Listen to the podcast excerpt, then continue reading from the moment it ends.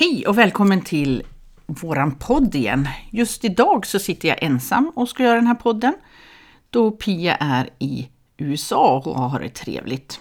Så att vi kommer säkert att få höra från hennes resa nästa gång hon är med och pratar i podden. Så nu får vi se. Nu ska jag försöka dra det här själv och eh, ja, hoppas att det kommer att bli en intressant podd även idag.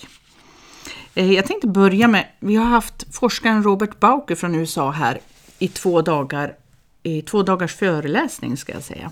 Och jag ska försöka på några minuter nu sammanfatta eh, lite utav det han har lärt oss under de här två dagarna.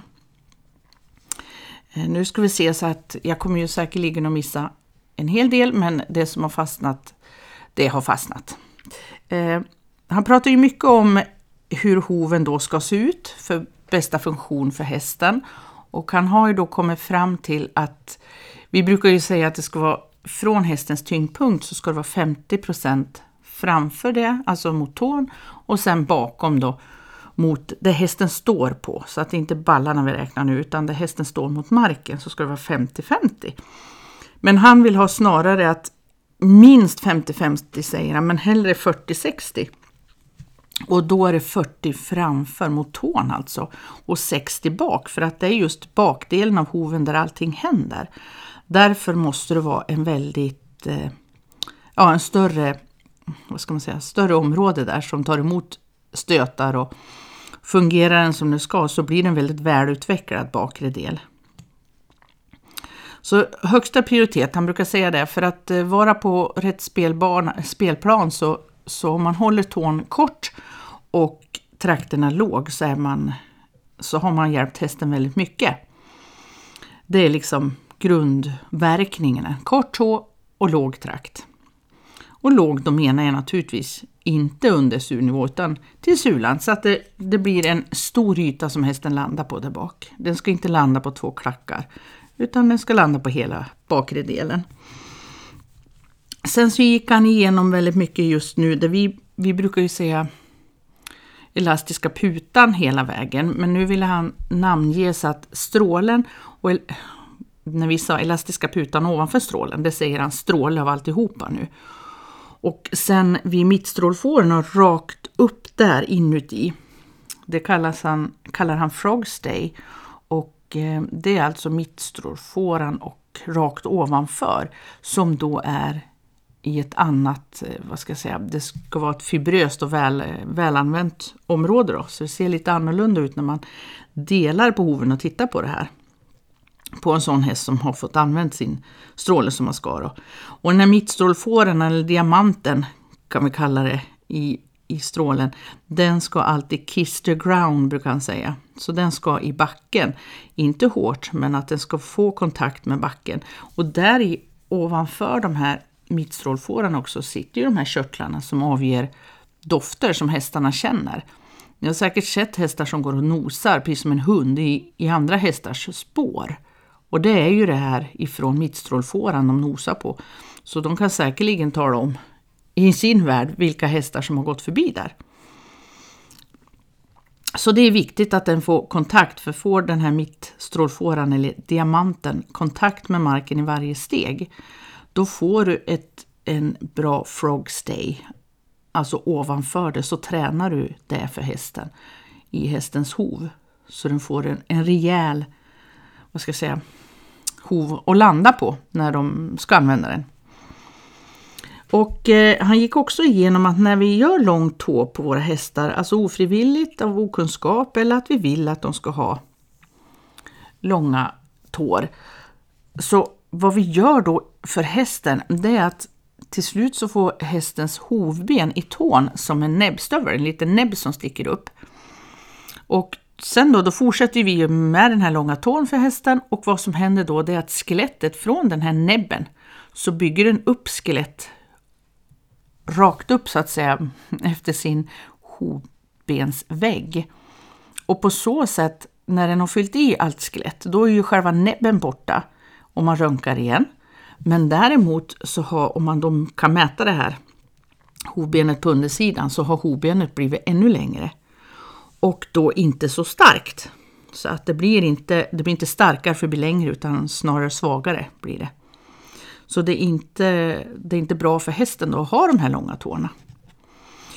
Nu pratar jag bara hovbenet som påverkas utav de här långa tårna men naturligtvis så påverkas även då strålbenet som tar en väldig tyngd ifrån hästen. Man har inte insett det förut hur mycket tyngd som strålbenet även tar ifrån hästens eh, kropp, höll jag på att säga, från hästens tyngd.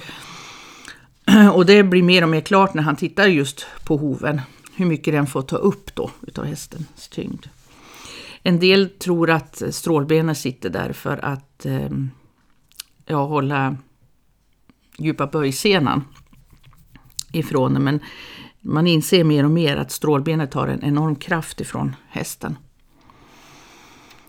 Så det var väl lite utav det han gick igenom. Det var väl en del som reagerar just på att vi inte nu då ska säga, eller han sa inte längre elastisk puta av, av alltihopa där under, utan han delade upp det lite.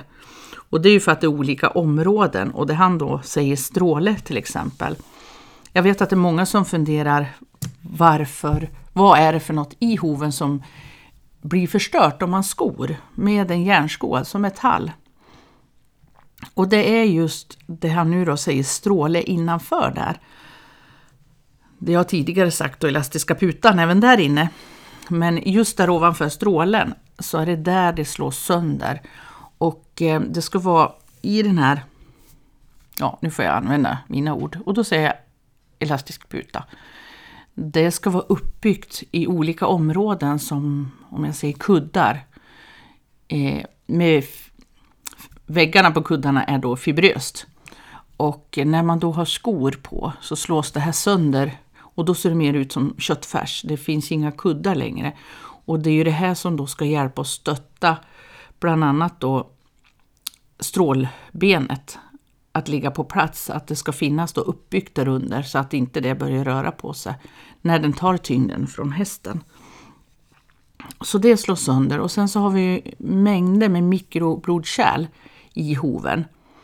Och nerver naturligtvis. Och det är de då som tar stryk utav vibrationerna. Det är det som slås sönder helt enkelt med en järnsko.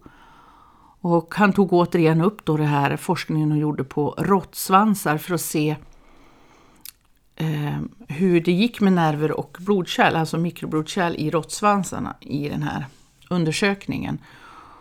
Och eh, det visar ju sig att de, de råttorna fick vibrationer i bara, ja, nu ska jag inte säga några sekunder och minuter, men det var, jag tror 14 dagar de var förstörda innan de kunde komma tillbaka då för den här råttan. Är ni intresserad ska jag ta reda på mer tider och längder exakta. Men eh, det visade sig att eh, bara några sekunder slog sönder väldigt mycket i råttsvansen. Eh, och då kan man ju tänka sig att vad som händer då i en hästhov. Att dag efter dag då går med järnskor och sen om man rider då på hårdare underlag. Det blir ju inte samma sak om du rider bara på åkermark till exempel, där det är mjukt. Då blir det ju inte samma sak, utan det här är när det är hårt underlag, till exempel en grusväg, en asfalt. Det behöver inte vara asfalt, grusvägar kan vara väldigt hårda. Det är då de får de här vibrationsskadorna och sen om man har en hastighet då på hästen som är snabbare än skritt, som man travar eller galopperar, så får man det här problemet i fötterna då. Och sen så vet jag ju att det finns hästar då som, det har jag alltid hört argument att det finns hästar som är 25 år och aldrig haft problem med hoven. Och det är väl bra så, absolut. Vi gör vad vi vill med våra hästar. Om vi har dem skodd eller barfota, det är upp till var och en. Men eh, den som är 25 år och varit skodd i hela sitt liv, den kan inte ha mycket nerver och blodkärl kvar i sina, alltså mikroblodkärl kvar i sina hovar. Och det är väl det som vi kanske ser lite annorlunda om vi vill ha järnskor eller inte. Men som sagt, det är upp till var och en hur man vill göra. Eh, jag kan också tala om att vi varit inbjudna till SLU. SLU håller på att forska om barfota hästar och vad de har fokuserat på det är ju travhästar och de har fokuserat bara på bakfötterna. Annars vart det så mycket att studera för travet har ju sin statistik så de hade 70 000 hästar de kunde kolla och sammanställa i sin forskning. Så det här ser jag väldigt fram emot och se vart de kommer fram till det jag tycker är jätteroligt är att de har läst Bobs forskning och är inne på den banan med just kunskapen om hoven och hur den fungerar. Eh, och eh, vi var där på frukostmöte med dem så att det var några timmar vi satt och pratade och det var jätteintressant. Så jag hoppas och önskar dem lycka till på SLU och att vi väntar ivrigt på resultatet, vad de får fram för någonting. Hur lång tid det kommer att ta, det har vi ingen aning om, men vi får se. Och de uppskattar verkligen att få träffa Robert Bauker då. De pratar väldigt mycket. Ja, så att det var väldigt lyckat möte och väldigt intressant att få prata och diskutera lite med dem hur de ser på det hela och hur de tänker sig den här forskningen. Då. Så det får vi hålla koll på när den kommer ut. Och det hoppas jag vi hjälps åt med allihopa. Det är spännande när det blir svensk forskning på hovar.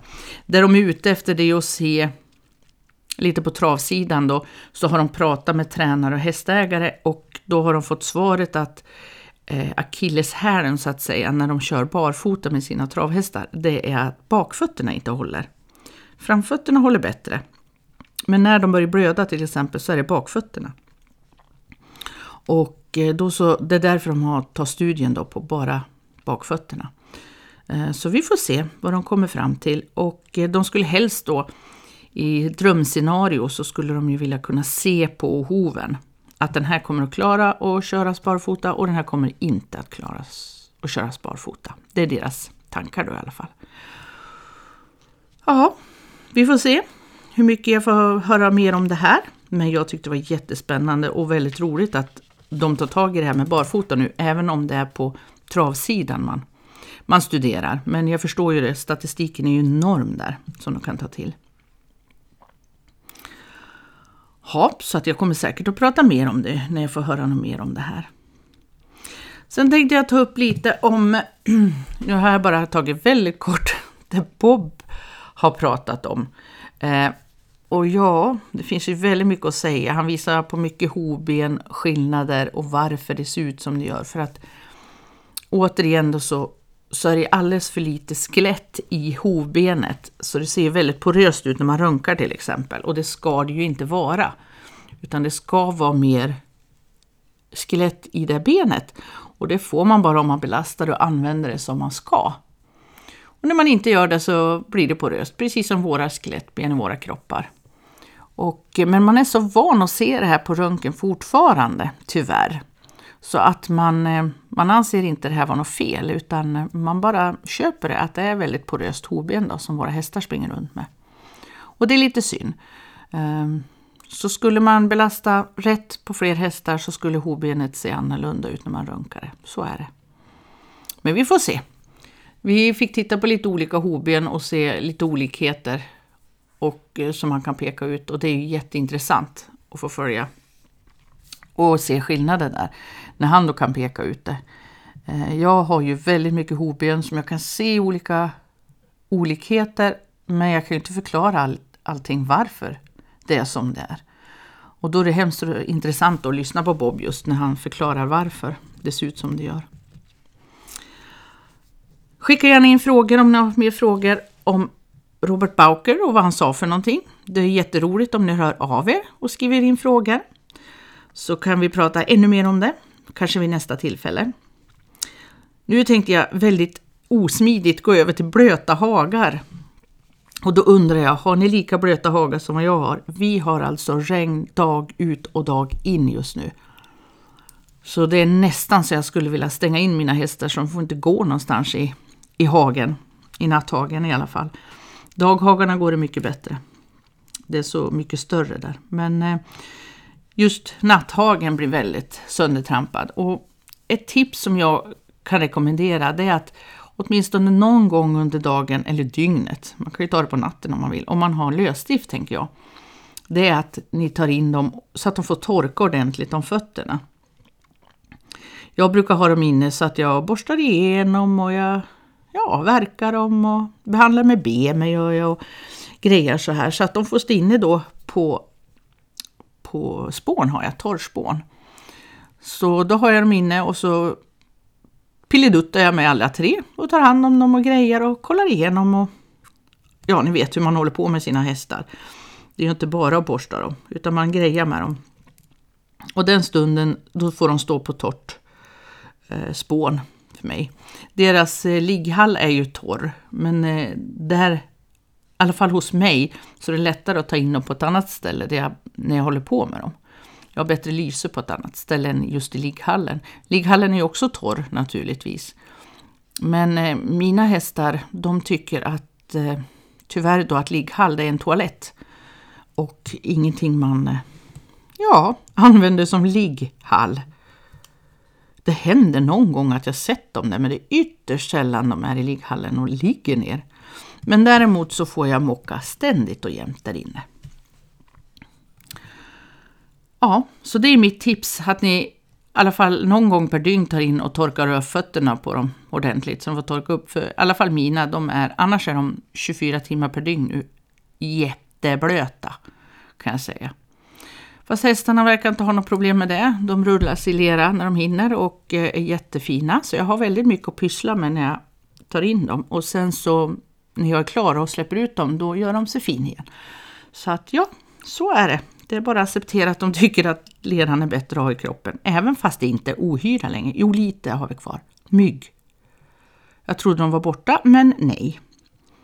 Det var alldeles fullt ute med mygg igår kväll märkte jag. Trots regn. Jag förstår inte det här. Men det är väl någon sorts mygga som tycker om regn. Så det är väl olika sorter vad jag förstår. Sen har jag en annan fundering. Och eh, fundering ska jag inte säga. Det är att jag idag gav mina hästar ett varsitt äpple. De får inte äpplen varje dag, men så här på hösten, vi har äppelträd, då kommer jag på ibland och så ger jag dem ett äpple. Och eh, många pratar om att man ska aldrig ge en häst godis från händerna. För då blir de så här, vad ska man säga, noppriga, att de är ute efter händerna på en hela tiden. Men mina hästar är inte det. Alltså de är ju nyfikna och nosar på mig. De behöver inte nosa på händerna och jag sträcker fram en hand så nosar de på handen. Men annars kan de liksom möta mig och nosa mig på axeln eller ja, vad som kommer närmast dem. Men de är, fast de får då godis och så här från mina händer. Om jag, nu kallar jag godis då äpple. Och eh, så är de inte ute efter mina händer. Och det här har jag tänkt på varför det blir så, för det är ingenting jag uppfostrar dem i. Utan det är ju de, naturligtvis de allra flesta dagarna som jag är med mina hästar så får de ju inte godis ur händerna. Men jag har tänkt på det här att vi kan lära hästen så mycket. Vi kan lära dem att dansa har jag sett. Man kan till och med lära hästar att bädda ner sig i en säng och dra täcke över sig. Vi kan göra så mycket med hästar. Och då tänker jag att då kan det ju inte vara så svårt att lära en häst att jag på något sätt visar att nu har jag en godis till dig och nu får du äta i min hand. Men imorgon när jag kommer så har jag inte något godis och då vill jag inte att du söker min hand hela tiden. Och det har jag funderat på för att jag tror faktiskt att det är så att hästar kan skilja på det här. Jag vet inte om det är min energi som de vet att nu kommer äpplen eller vad jag nu har, för jag kan komma med morotsbit också för den delen. Utan jag tror att det är, när jag har något så vill jag ge det, liksom på en gång. Ja, det är klart, ibland så kör jag ju nog att de får göra sån här trickträning, eller vad det heter, klickträning. Och de ska göra någonting och då får de godis. Men att jag är på ett speciellt sätt när jag, när jag hittar tre äpplen som de får. Om det är det som vet att okej, okay, nu kommer det någonting, men de är fortfarande inte på mig förrän jag sträcker fram handen till dem med äpplet. Och då tar de det. Och sen när det är slut, för alla tre har fått ett varsitt, då är jag inne i hagen med dem, men de, de är liksom inte på med... Det är klart de nosar på mig och ser om jag har några mer äpplen. Men när jag inte har det så, ja. Vad säger ni om det? Har ni svårt att ge godis i händerna och sen är de på er? Eller funkar det bra? Gärna lite tips om det. Och just nu så har jag inte fått in några frågor ifrån er. Och eh, därför har jag, får jag bara sitta här och surra för mig själv. Lite hur, hur jag tänker. Ursäkta. Och det här på hösten. Jag tycker det är lite jobbigt på hösten. Jag tycker det är värsta årstiden. Nu är jag ute och går med dem. Ja, det är klart, den här veckan har jag inte gått alls med dem ska jag tala om, för det är älgjaktsvecka och då håller jag mina hästar hemma. Jag har börjat nu den närmsta hagen att ställa ut för nu har jag inte sett någon jägare så jag tror, jag hoppas att de är klar. Eh, så jag törs ha dem i hagen. Men annars är det, har jag fått haft dem hemikring på grund av att jag inte vet var jägarna är någonstans. Så så har det varit för mig. Hur är det för er? Kan ni ha i vilka hagar som helst? Är jägarna medvetna om var hästarna går någonstans? Men som sagt, nu är det lugnare. Så jag tror att de är klar i, i vårt område i alla fall. Så då brukar jag ut och gå med dem. Jag tror jag ska försöka börja köra den ena nu igen. Och dra igång henne så jag får röra lite mer på dem än när jag bara är ute och går själv. Så får springa lite också. Men annars har det varit väldigt trist hos oss. Det är regnväder. Nästan till var eviga dag. Med följden att vi har väldigt mycket vatten i diken och det står på åkrarna. Och det är klart när en hov kommer dit, då blir det söndertrampat väldigt fort. Hur har ni löst det just där hästarna är mycket, kanske där vid vattenhorn? Har ni grusat upp där? För det är vad jag funderar att göra. Och lägga kanske en sån här, vad heter det nu, markfilt kanske det heter. Och så grusa uppe på det. Men jag vet inte hur, hur hårt man måste ha under filten för att få det här att funka.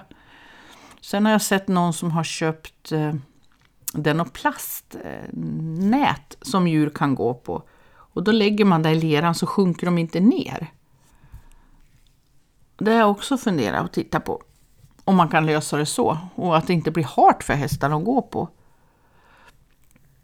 Så det tänkte jag också kolla upp vad det finns för möjligheter. Ja, det är väl det som har berört. Blöta hästar, försöker få dem torr och fin. Vilket inte är så lätt. Fin i min värld, då menar jag att de inte är leriga på kroppen.